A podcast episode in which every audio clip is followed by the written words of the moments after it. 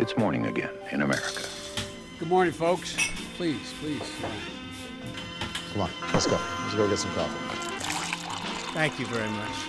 Det er fredag 8. september, og morgenkaffen fra amerikanskpolitikk.no er servert.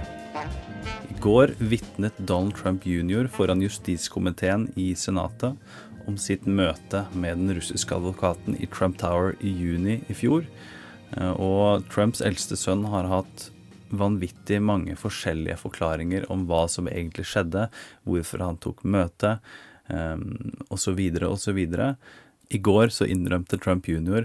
at han ønsket informasjon som kunne skade Hillary Clinton, men sa igjen at han ikke hadde fått noe konkret ut av møtet. Og etter denne fem timer lange høringen som foregikk bak lukkede dører, som New York Times da selvsagt har fått tilgang til hva som ble sagt, og som vi linker til i dagens utgave av Morgenkaffen, så har spesialetterforsker Robert Mueller og hans eh, team bedt om ytterligere informasjon i den saken her. Og en av de tingene de lurer på, er hvordan eh, og hvorfor Donald Trump selv, presidenten, om bord Air Force One eh, tidligere i sommer eh, var med på å utforme en eh, uttalelse om dette møtet.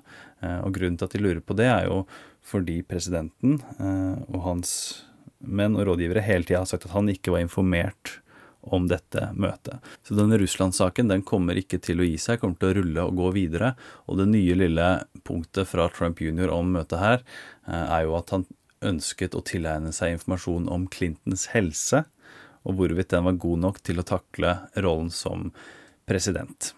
Når det gjelder Trump juniors mange ulike forklaringer eh, om denne saken, eh, og om russernes eh, innblanding i fjorårets presidentvalg, så kan jeg her høre et utdrag fra et intervju med CNN, eh, der han blir konfrontert med Clintons eh, valgkampmanager, som sier at hackingen og publiseringen av DNC-e-postene i forbindelse med demokratenes landsmøte i fjor, eh, og det var en del av russisk eh, forsøk på å påvirke valgkampen, så hører vi da Trump eh, jr. eh, avfeie det som latterlig, eh, og som Clinton-kampanjens forsøk på å få fokus på noe annet. Og det her er jo da en god måned etter eh, at Trump jr. selv hadde hatt et møte med en russisk advokat med forbindelser til Kreml, eh, som hadde lovet ham skadende informasjon om Hillary Clinton. Kan høre eh, hva Trump jr. hadde å si den gang. uh, that this is part of a plot to help Donald Trump and hurt Hillary Clinton. Your response? Well, it just goes to show you their exact moral compass. I mean, they'll say anything to be able to win this. I mean, this is time and time again, lie after lie. You notice he won't say, well, I say this. We hear experts. You know, his house cat at home once said that this is what's happening with the Russians. It's disgusting. It's so phony. I watched him bumble through the interview. I was able to hear it on audio a little bit. I mean, I can't think of bigger lies, but that exactly goes to show you what the DNC and what the Clinton camp will do. They will lie and do anything to win.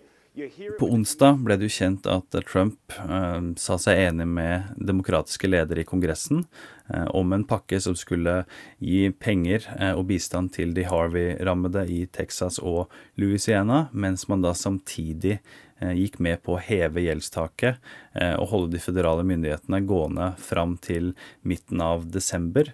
Eh, Det var da stikk i strid med det republikanske ledere som Paul Ryan ønsket. De ønsket da å heve gjeldstaket helt fram til etter mellomvalget i 2018, sånn at det kunne være en sak som ble tatt av bordet. Den kampen kommer nå til å gå igjen. Demokratene feirer, og mange republikanere er nå litt usikre på hvor de har Donald Trump.